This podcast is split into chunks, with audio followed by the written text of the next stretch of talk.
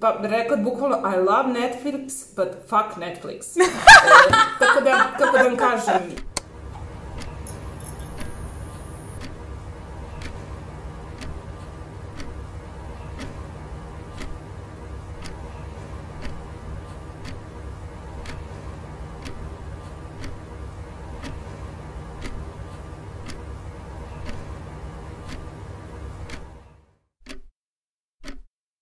Hello! U ovoj epizodi Storage Time-a e, nećemo se samo baviti dobrim preporukama za filmove i serije koje biste mogli da pogledate, već ćemo pokušati da e, smislimo par scenarija šta, šta bi moglo da se desi sa filmskom industrijom, konkretnije sa bioskopima e, nakon ovog perioda izolacije. O tome ćemo da pričamo sa Aleksandrom Garić. Aleksandra je e, direktorka marketinga za Cineplex bioskope, koja će nam dati uvid e, iz ugla jednog bioskopa kako uopšte izgleda planiranje filma, njegova projekcija kasnije i šta se sada, sada njima dešava, kako ova pauza utiče na njih, šta su negde prognozi i planovi do kraja godine i za neku bližu budućnost. A pored Aleksandre s nama će biti i Deja Đanković. Deja je moja koleginica iz Žiške koja je inače producentkinja i rediteljka. Iza sebe ima par kratkih filmova i nekoliko muzičkih spotova. E, Deja će pričati o Criterion kolekciji, zašto je na njoj interesantna i daći neke zanimljive informacije o tome kako su se neke velike producentske kuće izborile u ovom periodu izolacije da ipak imaju premijere na neki način. Gledajte nas. Tada! Um, ja sam htela da vas pitam pre ove kao velike teme, bitne teme zbog koje smo se i sastali, uh, kako vi provodite ove dane kada su u pitanju uh, uh, filmovi, odnosno serije, šta vas privlači, da li vam se desio neko, neko, neka vrsta Uh, kako da kažem, iskliznuća u nešto što inače ne biste gledali, ali sad kao ajde, dobro, već je izolacija, niko me ne vidi, nikom ne moram da se pravdam, možda ću da pogledam i nešto. Mislim, evo ja ću prvo da kažem, probala sam da gledam Tiger Kinga i onako, ajde, ajde, ajde da pitamo Aleksandru prvo, pa ću ja onda. uh.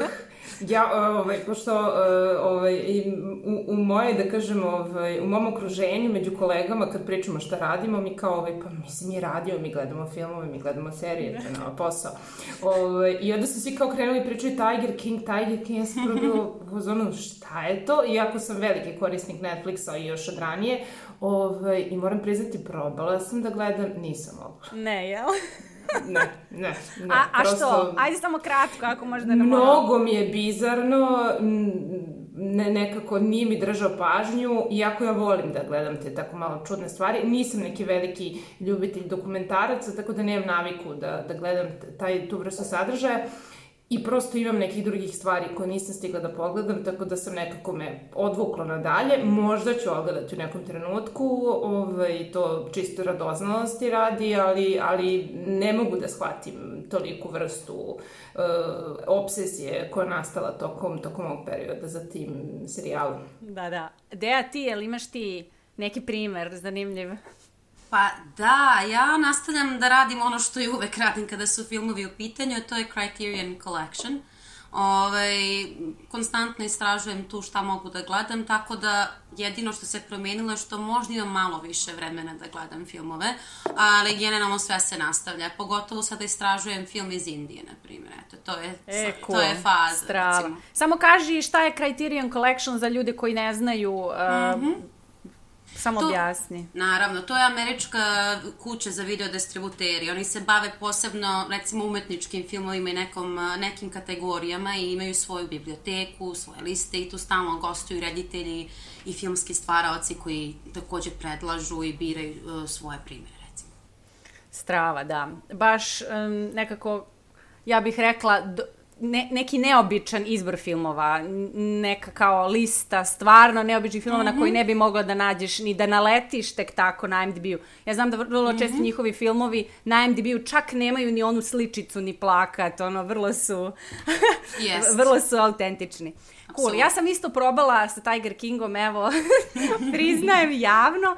I ono što sam baš komentarisala sa drugaricama pre neki dan, E, imam utisak da je tom, tim serijalom, pa i onaj neki novi, sad se pojavio nešto kao nije blind date, nego love is blind, uh, deluje mi sve uh, kao da Netflix polako prelazi na onu stranu uh, ovih nekih, kako da kažem, neću da kažem zadruge, ali razumete već, sadržaja, sadržaja ko, koji odjedanput, ne, mislim, ne znam da li su se srozali, evo demantujte me, možda nisu, možda je uvek toga i bilo, imamo one, uh, kako da kažem, slatkaste Netflix filmove koje možeš da gledaš ono i dok usisavaš kuću i kao nije ti ono, nisu kao neki blockbusteri, nisu, uh, nisu ni neki fenomenalni dokumentarci, ali ovim Tiger Kingom i možda još tim nekim par uh, serijalima, delom je kao da su poželi da malo is, iskorače kao ovoj publici koja voli takve sadržaje, reality programe. Jel to, jel vama to nešto kao normalno, to ima sad veze, nema, mislim da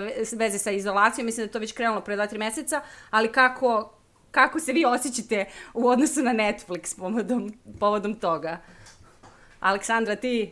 Pa, znaš šta, ovaj, meni, mene bi jako zanimalo, nisam stigla da pogledam uh, da li je Tiger King bio najavljivan za ovaj period i originalno planiran da se pusti, ili je pušten naknadno kada su uvideli da ljudi imaju više vremena i da će gledati taj sadržaj. Isto i za, za ovaj drugi reality. Ja sam videla, pogotovo kad vidim da je među top 10 uh, sadržajima koji se gledaju u našoj zemlji, onako sam bila kao zašto bi neko plaćao Netflix i gledao to umesto ne znam nečeg drugog, mislim jer prosto mi je sumanuto. Ovaj, to mi onako deluje kao MTV što su u jednom momentu da srozao i, i od muzičke televizije postao totalno nešto mm. drugo. Ovaj, e, I baš me zanima da li su to planski uradili ili su prosto reagovali na trenutak. Jer mislim da pre mislim da su reagovali na trenutak da su ustanovili ljudi imaju više vremena, više će gledati ovaj, različite sadržaje, da im plasiramo nešto što je drugačije. Pa da, mm. i to i podatak valjda da je 16 miliona ljudi baš sad u toku izolacije postali su novi korisnici Netflixa, tako da kapiram da su samo želi da prošire, uh, da prošire ponudu, što je naravno normalno. E sad, um, hajde onda malo da se osrnamo na ovu izolaciju, mislim, uh, o tome i želimo zapravo da pričamo. Uh, a to je kako će ova sad izolacija da, pored toga što će nama definitivno promeniti neke od navika, e, kako će te neke nove navike i to što će ona ostaviti za sobom u ljudima zapravo reagovati uh, sa filmskom industrijom. Kakva se tu sada dešava ovaj uh, korelacija. Desilo se da se iz, imamo kao taj podatak, on je javno dostupan, da smo izgubili oko 5 milijardi dolara u filmskoj industriji zbog odlaganja raznoraznih premijera ili uopšte projekata. Pa tako su Disneyev Mulan ili Marvelov Phase 4 ili James Bond odloženi. I sada još naravno milion nekih premijera i meni se čini kao da će sad sve nekako da se skrca u taj drugi deo godine. Samo molim Boga da ne bude ovaj drugi flight pandemije na jesen, evo ako može jedna mala molitvica. Ali šta će stvarno se desi na jesen? Mi ne možemo da pohrlimo u bioskopu bioskope, ali tako Aleksandra? Mi ćemo morati kao područnom da idemo u bioskope. Kako će to da izgleda? Pa, m, trenutno je još uvek stanje neizvesnosti. E, ono što m, možemo da posmatramo kao neki, ja da kažem, model u ovoj situaciji jeste Kina, jer prosto je ne, sama činjenica da su oni se pre, pre od ostatka sveta već suočili sa, sa ovim virusom i da su bioskopi već od januara bili zatvoreni tamo. E, oni su imali, m, da kažem, jedan donekle neuspešan pokušaj otvaranja bioskopa kraja marta, mm -hmm. tako da, znači, skoro da su celokupna tri meseca bili bez bioskopa i probali su, prosto su procenili trenutak da krenu sa, sa e, reotvaranjem bioskopa, međutim, to nažalost nije dugo potrajalo, nije, nije se celokupna mreža bioskopa u Kini otvorio, ali opet e, su imali prvi i onaj, da kažem, osnovni proizvod koji ti nudiš, a to su filmovi, to je sadržaj, imali su problem, prosto nije bilo filmova. Ono što se e, nama desilo i prvi nagoveštaj da ćemo doći u situaciju je bilo početkom marta meseca kada e, je onako veoma ove, odzvanula ta vest da ove, se start filma novog o James Bondu, No Time to Dime, pomera sa 1. aprila na o, konkretno u našoj zemlji na 12. novembar i m, to je bukvalno bilo mesec dana, malo manje od mesec dana pre početka ovaj, prikazivanja i sad ja mogu da mi ispričam, ja bukvalno vraćam se sa sastanka koji je bio onako na visokom nivou, zato što taj film stvarno povlači dosta partnera, dosta e, priprema, da se napravi premijera i kao sve pada u vodu.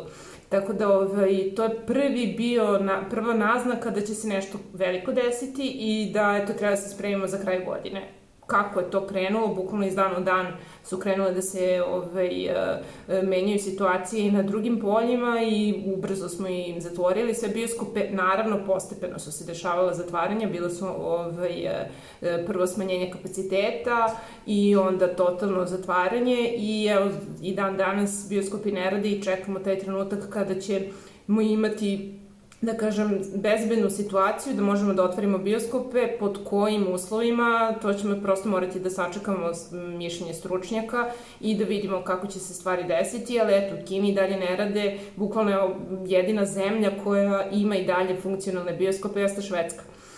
Da. Koje opet Ali dobro, oni imaju, da, potpuno drugačije, potpuno drugačije sistem borbe protiv ove uh, protiv ovog virusa. Ja to zamišljam kao idemo ko u prodavnicima, samo ako ulazimo jedan po jedan, imam trip da ćemo da sedimo onako na dva, tri mesta, kao e, kao, važno je samo da budu tu kokice, ako može. pa čak i ako tako bude, uh, bit će cool. Pa dobro, ništa, znači, to je još uvek sve neizvesno. Uh, Deja, šta ti misliš da, da smo e, izgubili? Da li smo uspeli u ovim nekim kućnim uslovima da nadomestimo taj uh, osjećaj odlaska u bioskop. Mislim, to je potpuno nezamenljiva stvar. To, ja čak znam ljude koji imaju one projektore uh, kao za školu kod kuće i ono kao sve to dosta dobro izgleda na Instagram storiju, ali ipak, ipak imam trip da to nije to. Nije to taj osjećaj kao kad dođeš u mračnu salu sa puno ljudi, kad ono svi reagujete kao jedan i tako dalje. Šta misliš da se tu izgubilo, a šta smo možda i dobili u ovoj izolaciji?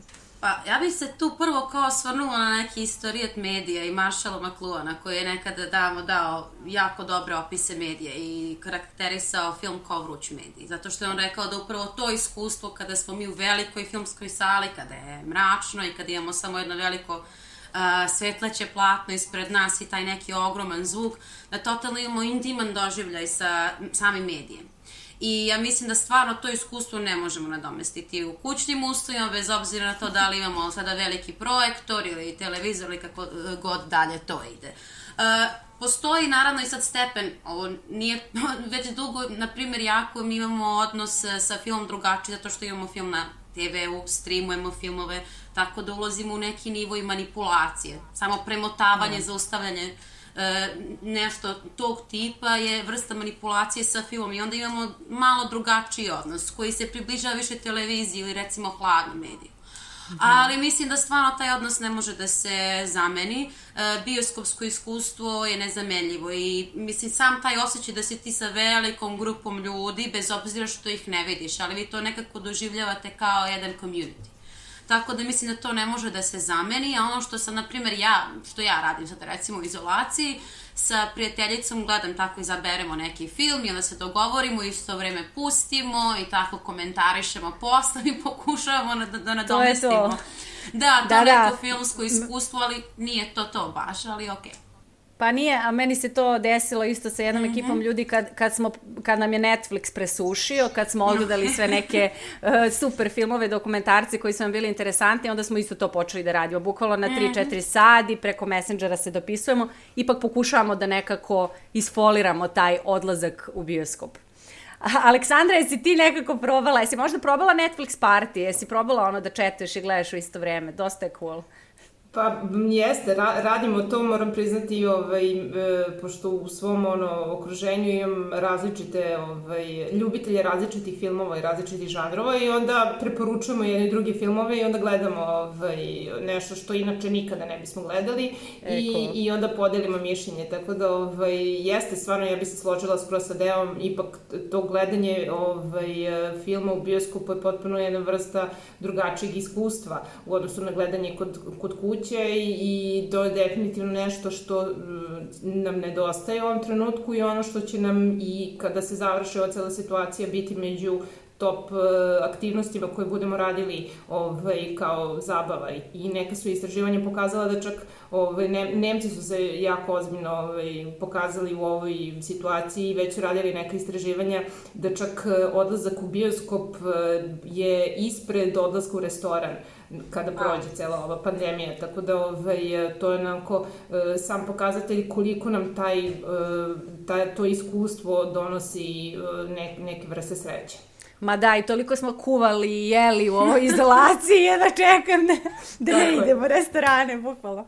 E, ok, ajde sad samo malo da e, se osvrnemo šta su probale produkcijske kuće da urade. Desila se ta neka vrsta digitalne premijere. E, dakle, ljudi e, iz Univerzala su ovaj, ove trolove, Trolls World Tour, probali da ipak o, o, naprave tu premijeru. Kako se to...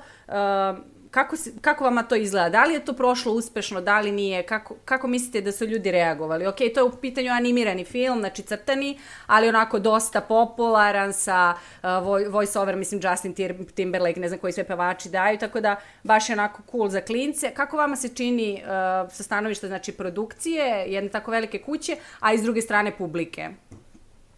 Možeš ti, Aleksandra? Može. Ovaj, pa, e, trolovi su bukvalno u ovoj situaciji jedini presedan koji je napravljen od strane Universal studija. E, šta, e, ajde kažem, ja lično, ali profesionalno mogu da, da mislim zašto su napravili taj potez.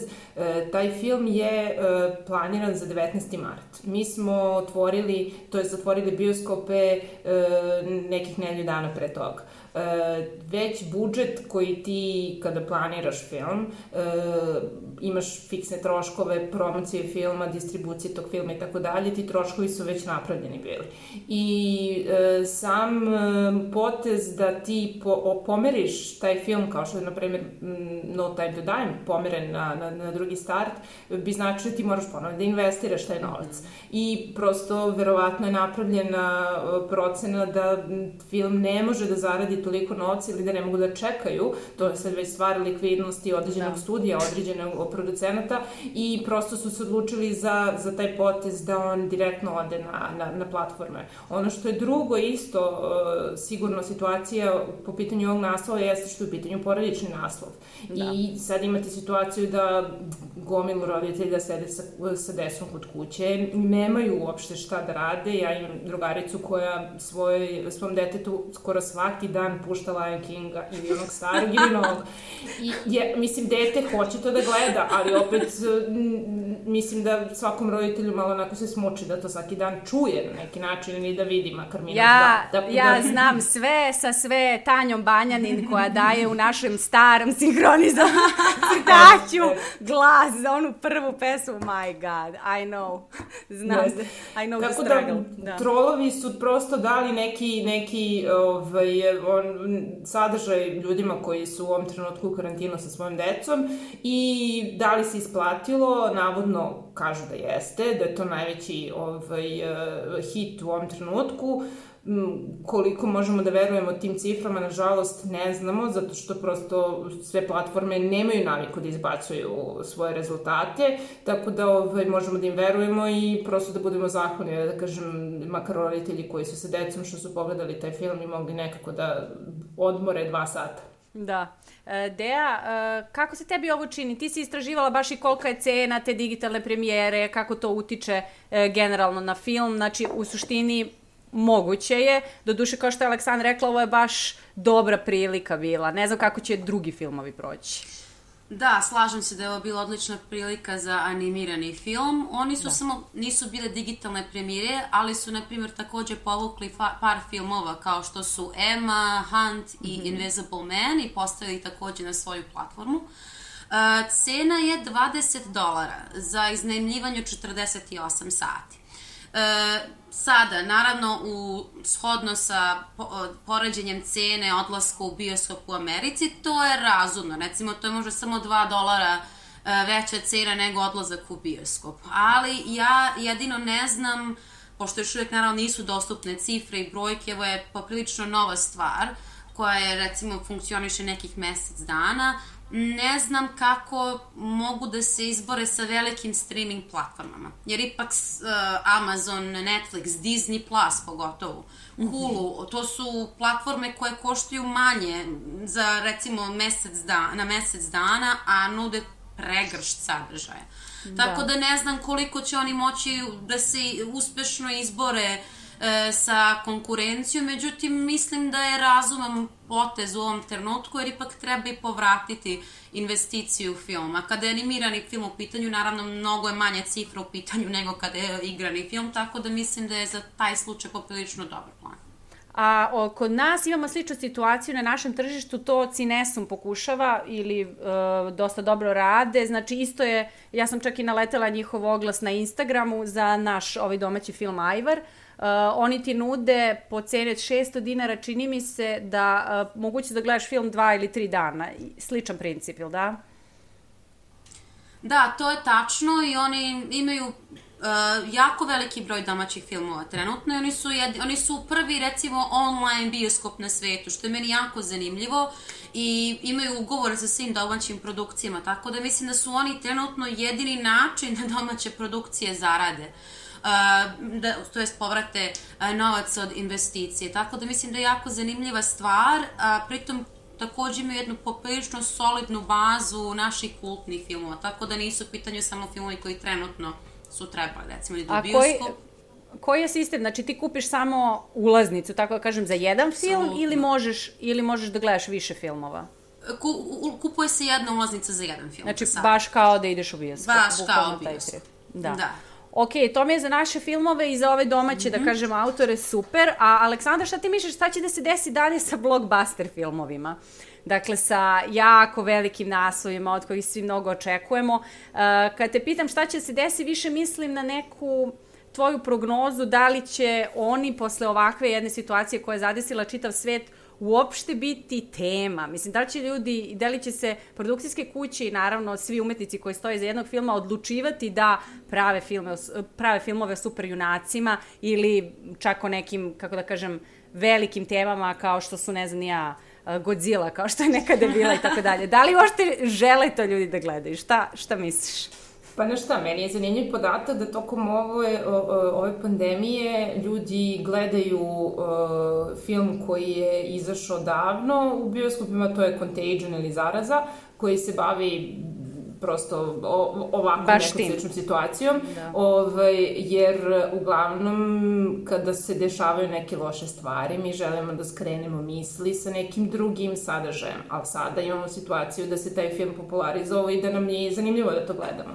Ja sam čak igrom slučaja ovaj, imala tu priliku da radim u distribuciji kada, kada je taj film izlazio i obožavala sam eh, sve materijale promotivne jer su bili genijalni kako su ti ubacivali, ovaj, mislim samo radi reklama koja ti ubaci paranoju ako pipneš kako, ako pipneš ovo, kako će se, mislim, stvarno onako, ovaj, ali jeste bilo pre, dosta pre ovog vremena i zanimljivo kako je on iskočio među top filmovima uh, u ovom periodu, tako da to mi je jedna od stvari da pokazuje da mi totalno uopšte nemamo tu neku bliskost sa, sa ovom situacijom i da nas je ona samo naterala, ok, prinuđeni smo da sedimo kod kuće, imamo više vremena, provodimo ga na neki ovaj ili onaj način, bolje ili lošije i to je to i mislim da neće pretirano uticati na, na sam, samu vrstu sadržaja i da će promeniti toliko uh, tematiku filmova koji će se stvarati u buduće. Da li će doći do neke pauze? Verovatno hoće,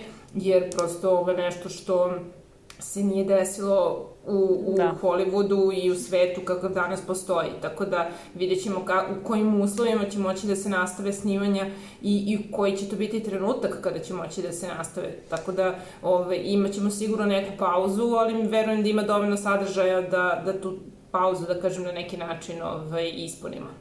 Cool. E sad, blockbusteri znači naravno neke ludačke velike budžete, kako će to sad dalje da izgleda, kako će ljudi moći uh, da ulažu, pojma nemamo, mislim sve je neizvesno. A šta će da se desi sa filmovima sa srednjim budžetima? Znači oni neki mid budget, to su filmovi koji koje možemo da gledamo u bioskopima, oni ponekad uh, jako brzo dođu na TV. Da li će oni sada u stvari samo uh, pravolinijski biti ono preusmereni na televiziju? Da li to ošte može da se desi? Kako to kako to ide i ko o tome odlučuje, šta mislite, kako će, kakav li će, kakva li će inercija sad uh, zbog izolacije da se desi? Deja, šta misliš?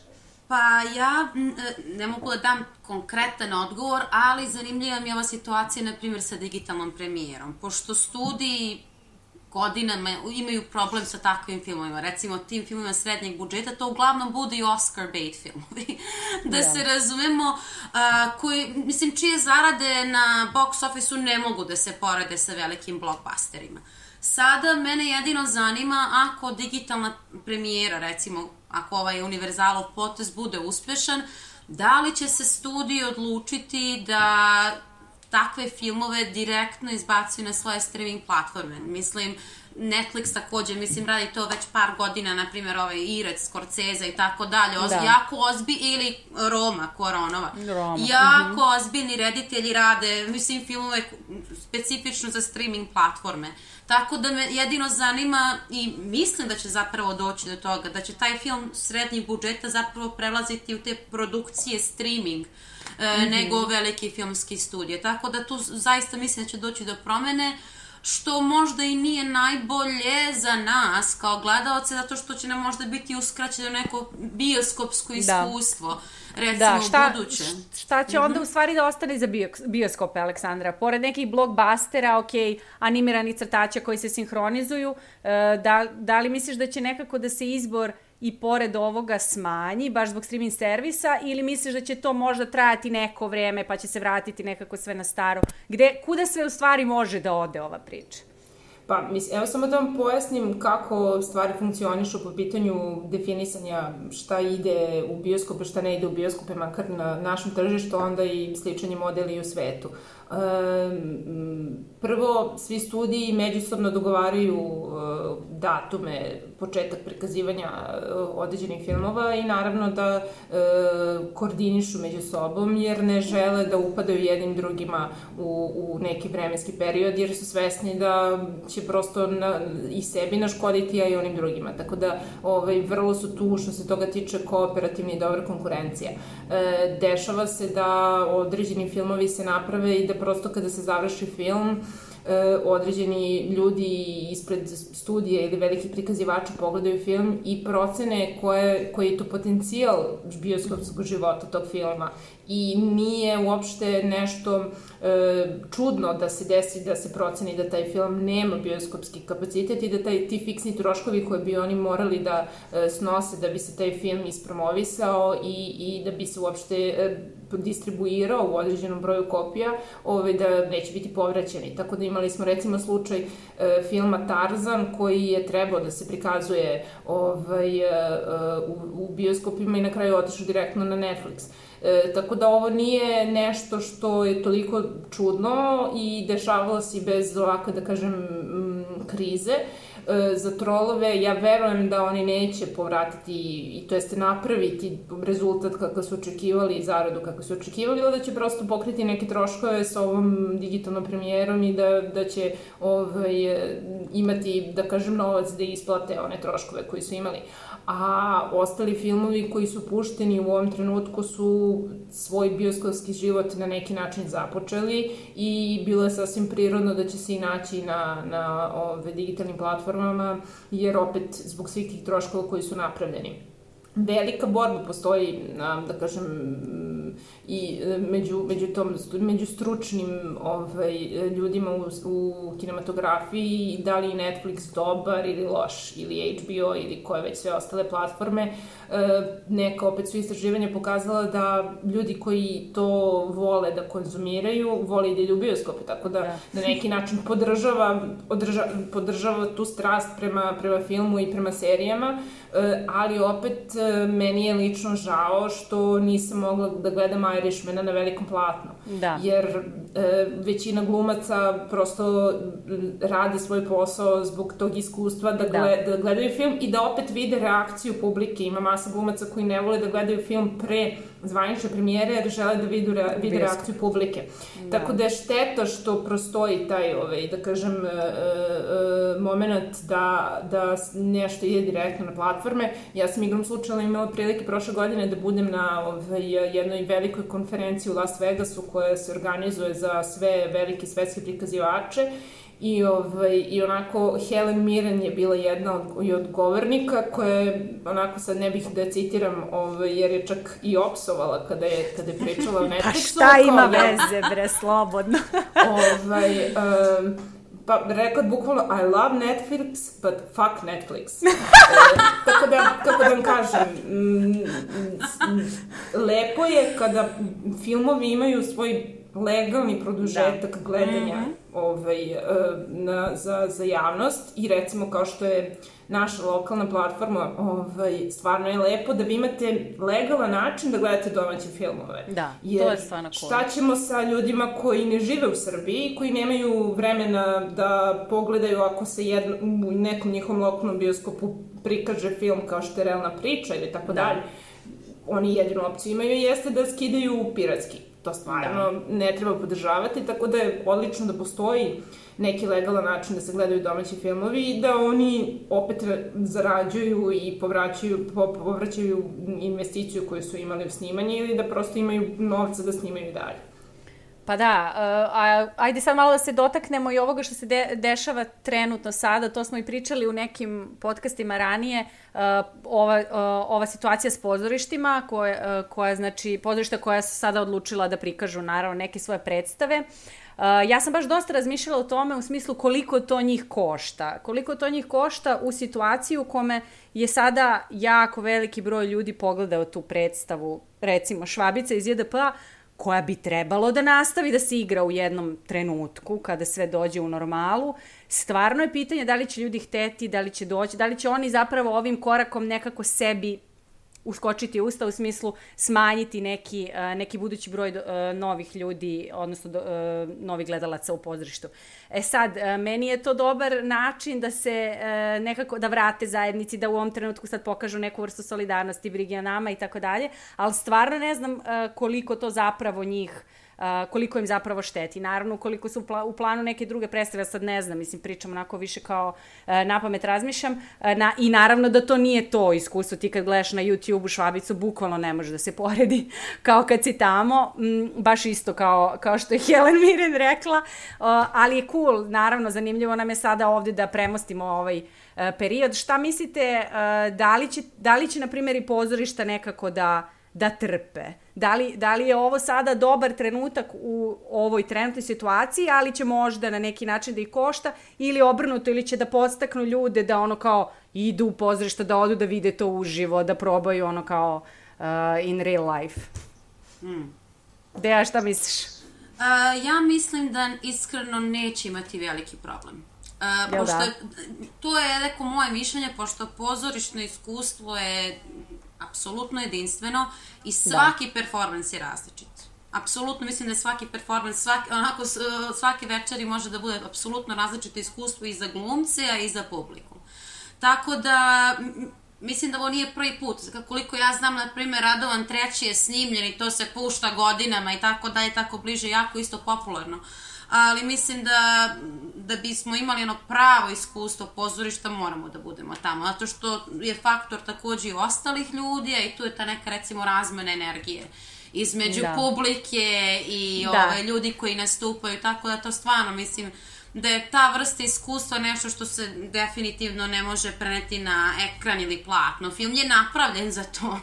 Da pa da, razumemo, znate onu, da. znate onu priču kao, e, ma nemoj to, nemoj to da gledaš kod kuće, gledaj obavezno u bioskopu dok je sad, mm -hmm. mislim, meni je to, kako da kažem, okosnica. Da li ću neki film da. gledati u bioskopu, pa, pa ga čak i sačekam da dođe do bioskopa, da ga kao pogledam tamo, pokušavam se zadržim da ga ne bih baš gledala na malom ekranu i kod kuće. E, da, li, da li će se sada desiti neka vrsta um, neka vrsta promene. Uh, Aleksandra je rekla da ne misli da će nešto sa žanrovima posebno da se promeni, ali imali smo, uh, imali smo posle ovaj, uh, de, posle 11. septembra kada su se srušile kule, imali smo tu neku reakciju u svetu. U filmovima se svašta dešavalo. Mnogi su brisali te kule iz kadrova. To si da ti isto istraživala. Možeš da nam podeliš par uh, stvari, pa bih samo to povezala kako će kako ćemo sad, mi ne možemo naravno da izbrišemo ovo sve što se dešavalo, ali da li će ova izolacija zapravo da podstakne neke nove teme, da li ćemo ja, na primjer, očekujem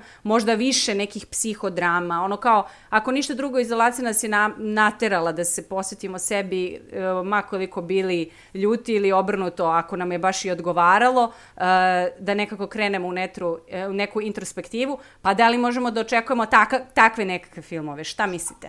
Apsolutno, ja bih rekla ovde, mislim, film, cijela istorija filma je, ne, recimo, neka smena trendova na nekih 10-15 da. godina, sada ne može da se predvidi ali uvek su, recimo, po mom mišljenju, uvek su neka ta velika svetska dešavanja uticala na promenu trendova u filmu. Naprimer, posle Prvog i drugog svetskog rata evropski film je ostavio jako veliki trag i onda je promenio trendove recimo mainstream filma. Da. Onda 60. su totalno promenile pravac zbog indie filma, onda je naravno Jaws, Spielbergov do, i Lucasov Star Wars su do, doveli do pojave da. blockbustera, tako da konstantno imamo smenjivanje ž, popularnosti žanova. Evo što, je meni jako bilo zanimljivo za, na primjer, uh, 9-11. A, pre toga su bili jako popularni ti disaster filmovi. Imali smo Armageddon ili Independence Day. Ti da. filmovi su bukvalno nestali ovaj, iz medijskog pejzaža i mislim da su samo televizijske serije bavile tom temom 9-11, tipa West Wing i to je bilo jako kontraverzno. Filmovi se toga nisu dodirivali, mnogi su brisali digitalno, recimo taj Twin Towers iz kadrova I pa jednost, da, jednostavno u filmu ni, znači nije bilo ni disaster, niti ratnih filmova. Prvi film koji se pojavio ovaj, eh, je bio Spielbergov Rat svetova, War of the Worlds 2005. godine i ja mislim da on nije najsjajniji, mislim prošao ok na blagajnama, ali poredivši sa ostalim Spielbergovim filmima možda i ne. A prvi put da smo videli direktni prikaz recimo terorista iz Afganistana, to je bilo jako meni zanimljivo u filmu Iron Man koji je počeo cijelo ovo ludilo oko Marvela.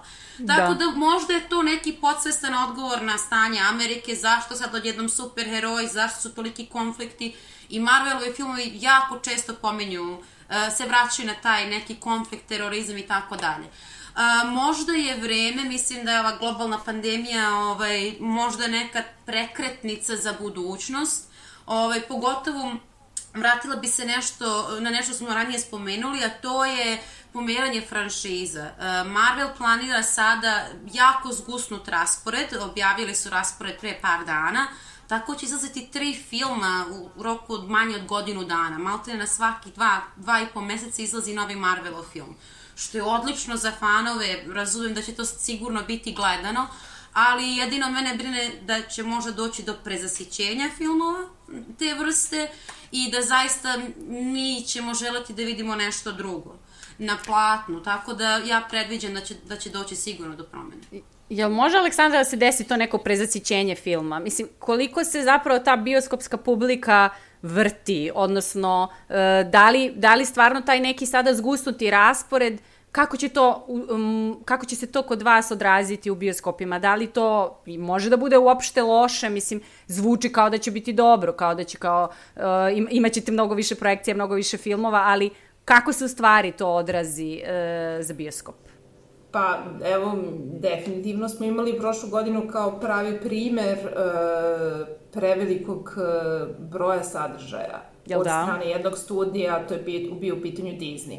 E, samo bih kratko se svrnula na moment koji se desio prošle godine. Disney je e, odradio jednu veliku ovaj, promenu u, u svetu filma, a to je kupio je Fox i Fox kao filmski studio prestao da, pro, da postoji. Čitav njihov line-up filmova je ovaj, dodat Disneyevom portfoliju i e, verovatno iz tog nekog razloga, sad niko to nije potvrdio, ali pošto su naravno tu kupovinu platili sa, sa velikim novcem, e, Disney je prošle godine izbacivao ogromne naslove sa velikim potencijalom i sam sebi ulazio u, u teren i, da. u termine. Tako da dosta filmova njihovih nisu isporučili ono što su mogli da isporuče zato što je prosto bio zgusnut raspored. Naravno, postoje, ovaj, mi ih uh, stručno nazovemo heavy heavy useri ili ljudi koji često dolaze u bioskop čak 40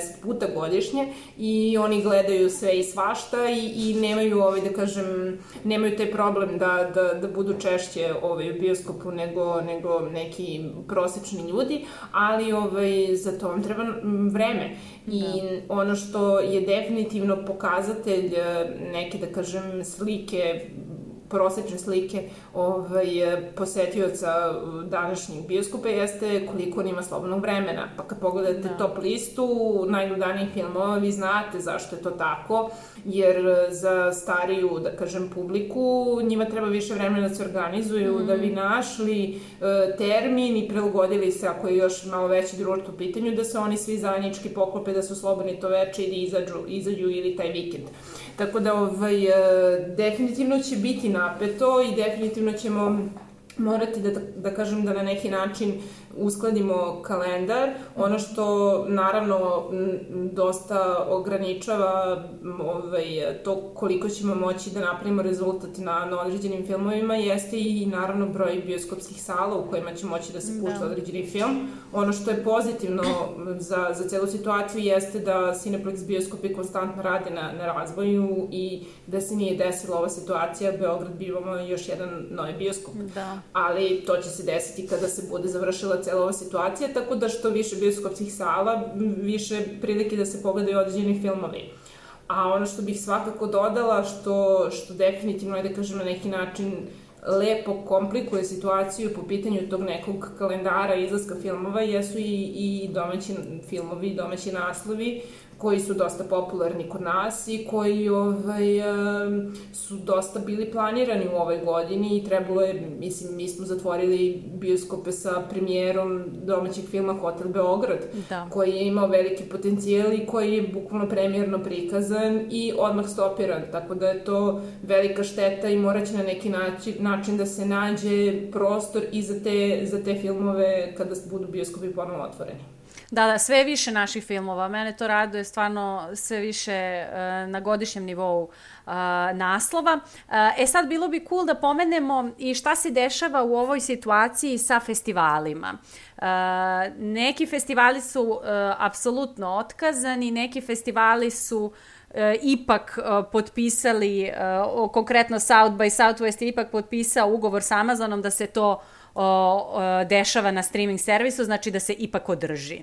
A, šta je tu problem a, za ljude koji, a, a, odnosno za filmove koji bi trebalo da se pojave na festivalima i kako to utiče na njihov život kasnije, uzevši u obzir i ajde da kažem neku a, pozitivnu prognozu ako bioskopi prorade uskoro, kako će se to odraziti na te filmove koje je trebalo da gledamo na festivalima, koji su trebali stvari da dožive neku vrstu premijere na festivalu. De, e, Deja, šta kažeš? Pa ovako, festivali su jako, jako bitni za nove autore. E, za mlade da. filmske ja. autore, e, za recimo, više za neke umetničke filmove, zato Dobro. što tu reditelji, mislim, produkcije nalaze svoje distributere. I sada, naravno, distributeri gledaju kakav će biti odgovor publike prema tom filmu, kako da li će biti nagrađen i tako dalje, onda uzimaju te filmove za dalje. Tako da je to jako veliki problem uh, za veliki broj filmskih stvaraoca. To, to je prva jako bitna stvar. Za sada kan se odlaže, pa se odlaže i da. stalno izlaze neke vesti kako oni odlažu. Mislim da je Kanski festival možda čak i najbitniji, recimo, do, ne, mm. do nekle, kada je u pitanju stvaranje veze sa produkcijama, koprodukcijama, dogovora i tako, o kofinansiranju i tako dalje i tako bliže. Tribeca je takođe otkazana. Ova vez za X, SXXW je izašla pre neki dan. I meni je jako zanimljivo zato što je Amazon otkupio ceo festival I da. gledala sam, na primjer, svako će imati pristup da gleda svaki film na festivalu. Znači, kogod je pretplatnik, recimo, na Amazonov streaming servis, moći će da gleda bilo koji film, što ne znam koliko je isplativo, verovatno su potpisali neki dobar ugovor, ali meni je malo, ok, nova je cela situacija i to će se dešavati od 27. aprila do 6. maja. Sada mi smo takođe imali sličnu inicijativu Moj Off Festival, koji je yes. takođe streamovao, mislim, meni je to bilo odlično, oni su streamovali besplatno sve filmove, što je divna stvar jer će približiti publici takvu vrstu filma koju uglavnom vidimo na festivalima. I sada takođe ti svi filmovi mogu da se odgledaju, naravno takođe se iznajmljuju na jedan dan i mislim da su svi uglavnom postavljeni na Vimeo, naravno različita je cena u odnosu na svaki film, ali filmski festivali se recimo nekako bore, ali gledala sam dosta intervjua od velikog broja tih film, manjih filmskih autora ili nezavisnih, na primjer Duplas braće, Duplas Brothers, mm -hmm. tako, njih dvojica, ovaj, koji poprilično nemaju pozitivan ceo stav prema cijeloj situaciji, zato što ne mogu da nadomeste uh, da. to što festival čini za njihove filmove. Tako da i mislim da će nekako da utiče na jako veliki broj filmskih autora, zato što da, da bi napravio film moraš da budeš nekako u svom zenitu, moraš da budeš popularan da. na jednom festivalu, da se malo vrti priča oko tebe i tako dalje.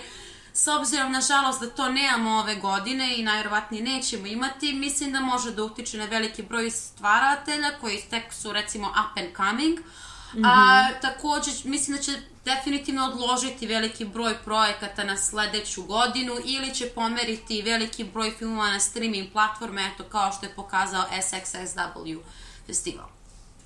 E, dodala bih samo, mm -hmm. izvini što Naravno. prekidam, da Sarajevo Film Festival kao jedan od regionalnih festivala za, u ovom trenutku i dalje stoji planiran za, za, za tu neku sredinu avgusta i ne razmišljaju da, da pomeraju.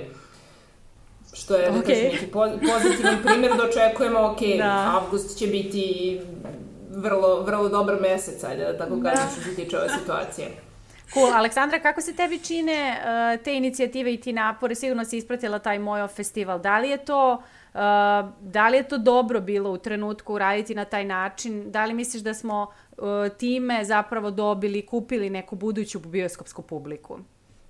Pa definitivno taj uopšte moment gledanja filmova, pa da li kod kuće ili u bioskopu mora da se neguje. I ono što smo mi, da kažem, 90-ih imali kao veliku, ovaj, da kažem, veliku situaciju jeste da su se zatvorili veliki, svi bioskopi da nismo imali gde da idemo u, u, da pogledamo neki film na velikom platnu i navika je izgubljena. Tako da je da. borba sa otvaranjem bioskopa bila da se prosto kod nove publike, kod nove generacije ta navika kreira, a kod one starije publike ona na neki način vrati. Tako da e, i taj moment gledanja filmova kod kuće i gledanja nekih drugih filmova, pogotovo filmova koji uglavnom imaju ograničene, da kažem, budžete za promociju i za e, prosto dolazak ka toj željene publici, e, sada na ovaj način, e, kada oni imaju više vremena, mm -hmm. e, prosto dođe do, do, do publike. Jer samim tim, ako vi gledate neki film kod kuće, imaćete želju da pratite sličan žanr i sličan sadržaj i, i, i kasnije, sad da li ćete to raditi kod kuće ili ćete raditi u bioskopu, to je već na vama da rešite u zavisnosti od toga šta, šta prosto kako, kako, kako iskustvo želite, ali opet stvara neku adekvatnu podlogu za odlazak u, u bioskop i gledanje na velikom platnu. Da, u stvari, lepo si rekla, gaji se ta neka kultura koja se posle samo, va, nadamo se, prenese u pravi život. E sad, yes. meni deluje ova situacija e, dosta fino, na primjer, za jugoslovensku kinoteku. Imam um, imam prosto uh, stav da je ovo stvarno za njih ok situacija u kojoj oni, u kojoj oni nude, znači stare filmove koje inače nude, projekcije takvih filmova, prosto da zašto da ne. E, naravno da oni uh, imaju svoje projekcije u salama i tako dalje, ali ovo mi je inače, ne znam kako vi, za mene ova izolacija baš trenutak da se vratim i na crno-beli film, i na stare filmove, i na filmove koje sam nekad ono jednom štiklirala u IMDb watch listi i kao gledat ću ih jednom kad budem imala vremena, evo došlo to vreme. I onda mi deluje u stvari da zapravo je situacija, mislim, to smo i do sad negde skapirali za nekog bolja, za nekog lošija, ali za, na primjer, Jugoslovensku kinoteku stvarno ok, kao što su se pojavile e, za muzeje ove akcije gde imate virtuelni muzej u koji možete otići. Deja, šta ti misliš, kako, kako ti se čini ovaj njihov proje, projekat? Meni se njihov projekat jako dopada. Oni su samo oni su prebacili već recimo ongoing projekat VIP kinoteka, samo su ga prebacili na digitalnu platformu. Za sada su pustili jedan film, uh, u pitanju su ono, digitalna restauracija, filmovi izgledaju savršeno, uh, u pitanju je film Davitelj protiv davitelja. Naš kultni film i bila je premijera 5. aprila, premijera se inače desila na Facebook stranici, na VIP-ovoj Facebook stranici. Tako da mislim, još uvek nisu izašli zvanični brojevi, recimo, na primjer, koliko je to bilo gledano, ali mislim da je ovo fenomenalna inicijativa zato što nemaju toliko konkurenciju. da. da, ne, nemamo, trenutno nemamo, recimo, možda filmove u bioskopu i tako dalje, tako da mislim da je ovo fenomenalna prilika da oni približe, mislim, ovo je ipak naša stvarno kulturna baština. I mi, yes. ovi filmovi stvarno nisu nešto što se može pronaći čak i piratski na netu, recimo. Nema, nema. Ne ja mogu da se nađu da tako lako, tako da mislim da ovo je jedna divna inicijativa. I mislim su inače filmovi ti bili besplatni kada su se puštali u kinoteci, svakako. Ali meni ovo deluje kao fenomenalna ideja. Nadam se, sada, sada meni je jedino možda čudno, mislim nije čudno, imala je samo jedna projekcija do sada, ne znam koliko, taj proces restauracije jako dugo traje i zapravo je jako komplikovan, tako da ne znam koliko uh, oni filmova do sada imaju restauriranih i kako sada ide taj proces tokom cijele ove situacije. Nadam se da će biti još filmova, zato što stvarno mislim da je fenomenalna ideja da se upoznamo više sa nekim našim stva, zaista, zaista fenomenalnim ostvarenjima. Da, e, inače e, saznala sam skoro, potpuno van tema naših, saznala sam skoro, cvećari, cvećari imaju problem zato što su karanfili izašli iz mode. Ja se sada bar nadam da će ova akcija bar nekako uticati eto na te karanfile, da se karanfili ponovo vrate u modu da, mislim, to, ta, taj film Davide protiv Davita, Davitelja i, e, mislim se zove Leptirica, onaj naš horor. da, horor, da. Mislim da su to najjeziviji filmovi koje sam gledala kao mala, ne znam zašto kao mala, gde su bili roditelji pored mene, verovatno pored mene. mislim da su to najjeziviji filmovi koje sam gledala, ono, i koji su mi ostali u pamćenju. Ok, um, da li uh, imate neke dobre naslove koje biste preporučile? Ne samo, može i sa naravno Netflixa, HBO, mogu da budu i serije. Da li imate nešto što vam je stvarno strava, što vas je oduvalo, a što ste gledale u skorije vreme? Aleksandra? Uh, teško pitanje.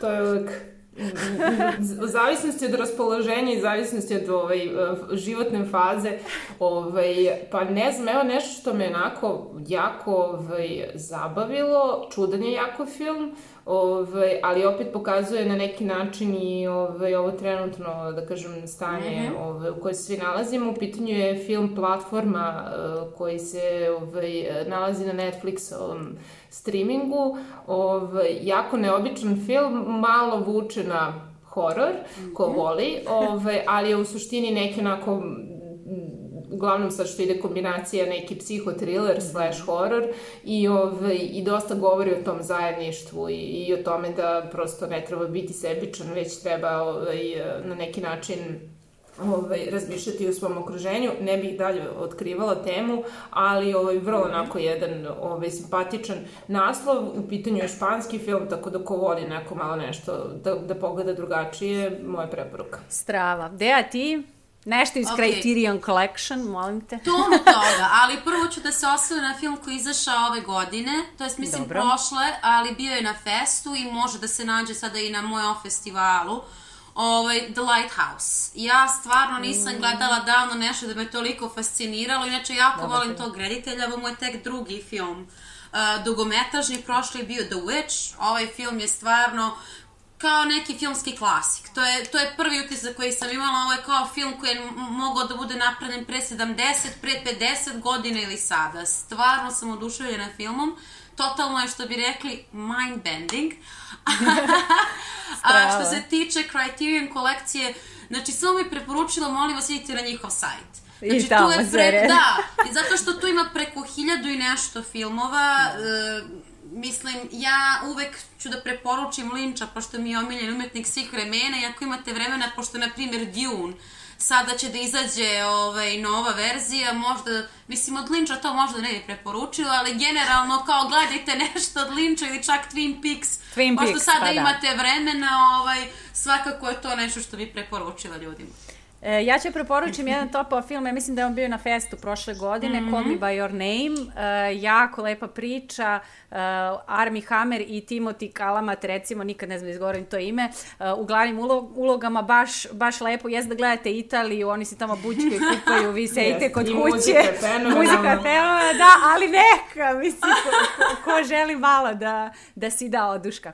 E, dobro, yes. e, ova izolacija je definitivno ono, e, kako da kažem, uticaće naravno na ceo svet, na sve nas pojedinačno. E, ja ipak ovako, pričajući sa vama, imam neku pozitivnu prognozu za, za sedam umetna, za film uopšte, pa i za bioskope. Uh, mi smo, baš ta neka naša mala ekipa uh, koja stalno gleda zajedno filmove, dopisujemo se, nekad neko naravno ispali, nekad može, nekad ne može, i skoro jedan drugar napisao, pa dobro ljudi, vada ćemo se naći jednom uživo da odemo posle svega ovoga u bioskop. Pa mislim, to ako ne uradimo, ne znam čemu sve ovo.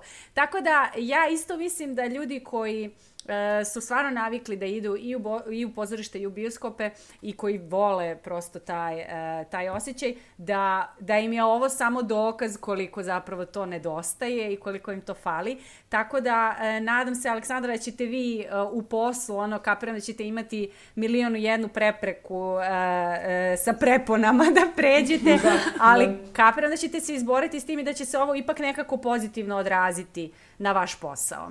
Pa mislim, znaš kako, ja ovo stvarno gledam kao neki ovaj, izazov i takav je uopšte, da kažem, i stav uh, celokupne firme da prosto otvarali smo mnogo bioskopa, prvi put nam se desilo da zatvorimo ovaj, da. i to neko ponovno otvaranje deluje kao da. potpuno neka nova prilika da napravimo neku kampanju koja će da, da. objasni šta, šta znači odlazak u bioskop i, i, i nekako se i radujemo tome. Evo da ja imam drugačije odmah, uradimo stvari. Uh, imam, imam slogan za tu kampanju, ona naša čuvena iz maratonaca, ponovo radi bioskop, ponovo radi bioskop. pa stvarno, to bi jeste. baš bilo A sad, Operativno svakako biće, biće vrlo, vrlo ovaj, zanimljivo kako da se stvari postave, da, da ljudi koji dolaze u bioskop imaju potpuno poverenje da, da to rade u najsigurnijim, ovaj, najsigurnijim okolnostima, ali m, jednostavno čekamo smernice države da. da vidimo na koji način će to moći da se realizuje i potrudit ćemo se da to uradimo na još višem nivou nego što bude bilo zahtevano, jer svima nama nedostaje da Naravno. bioskop filmsko platno bude popunjeno, da projektori rade, znate, projektori uopšte nisu napravljeni da ne rade. Mm -hmm. Mi da, imamo wow. kolege koji svaki dan idu i pale te projektore. Jo tako? Jer o, prosto proje, bioskopski projektor nije naviko da, da nije napravljen da, da, da, da ne stoji. radi neko vreme. Jeste. A ovo je stvarno presedan, mi imamo pojedine bioskope koji rade 36, 300, 365 dana u godini. Da, Tako da ovaj, ovo je totalno, totalno nešto što nije mogu niko da, da predvidi da će se desiti. Da, ja se stvarno nadam da će ta kao, to kao ponovno otvaranje sada biti i grandioznije možda od prvog, pi, od prvog puta. E, Dea, ti si da. naravno da. sigurna sam na našoj strani i na strani svih ovih, kako da kažem, da, nismo mm -hmm. pomenuli mnogo uh, ljude koji se bave filmom, glumce, reditelje, mislim naravno i oni su svi na pauzi, ali kapiram da će mm. njima biti isto tako zgusnuto ja i aktivno mislim, čim, okay, se, čim se uspostave za sada zaustavljene, mislim da su u Kini su već krenuli nazad sa produkcijama filmova, polako, ali sigurno. Tako da mislim da će sigurno doći do možda čak i neke hiperprodukcije. Da. E, sa, na, naravno u zavisnosti e, od situacije, ali svakako mislim, pošto sada da. prolazimo kroz jako čudan period kada smo svi recimo zaglavljeni u kući i tako da jako ne nedostaje bioskop, očekujem da, da će svi pohrliti. A mislim da nam je nekako taj čin odlaska u bioskop već kodiran u DNK sistemu, ne, to je neka već, to je meni na primjer potreba, stvarno. Ovaj, tako da mislim da, da je, da je to slučaj sa većinom ljudi, tako da mislim da yes. da do nekih, mislim, do promena će doći, ali do na, naše potrebe za filmom, to mislim, to se nikada neće promeniti. Da. E, strava, mnogo vam hvala na ovome, e, hvala na preporukama, ja ću ih, e, potrudit ćemo se da pišu dole u, e, u opisu ovog videa, da. tako da e, danas nema predstava Dođi juče, tako nam se zove ovaj podcast, ali ipak e, bit će to sutra, kada sve bude bilo ok. Aleksandra, hvala ti puno na ovome, hvala ti puno na informacijama, na stvarima koje nismo znali, kako u stvari u backendu funkcioniše jedan bioskop i držimo palčeve da se što pre vidimo na nekoj cool projekciji. Hvala vama, drago mi da smo pričale na ovu temu, stvarno je lepo podeliti ovakve informacije. I za kraj neka bude reč restovani krompir.